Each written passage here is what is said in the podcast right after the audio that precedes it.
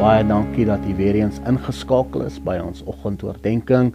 Verlede week het ons gesels oor die woord integriteit en die wyse Salomo wat in al sy wysheid en rykdomme geleef het, kom vanmôre en hy sê vir ons in Spreuke hoofstuk 19 vers 1 en ek lees vir ons vanuit die boodskap Bybel. Hy sê edere arme wat die Here ken as 'n ryke sonder enige wysheid.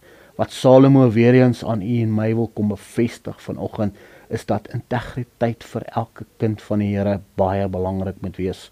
sien Salomo skryf ook in Spreuke hoofstuk 11 vers 18: Goddeloses word skynbaar gou ryk, maar dit hou nie. Die regverdige sal 'n beloning kry wat vir altyd hou.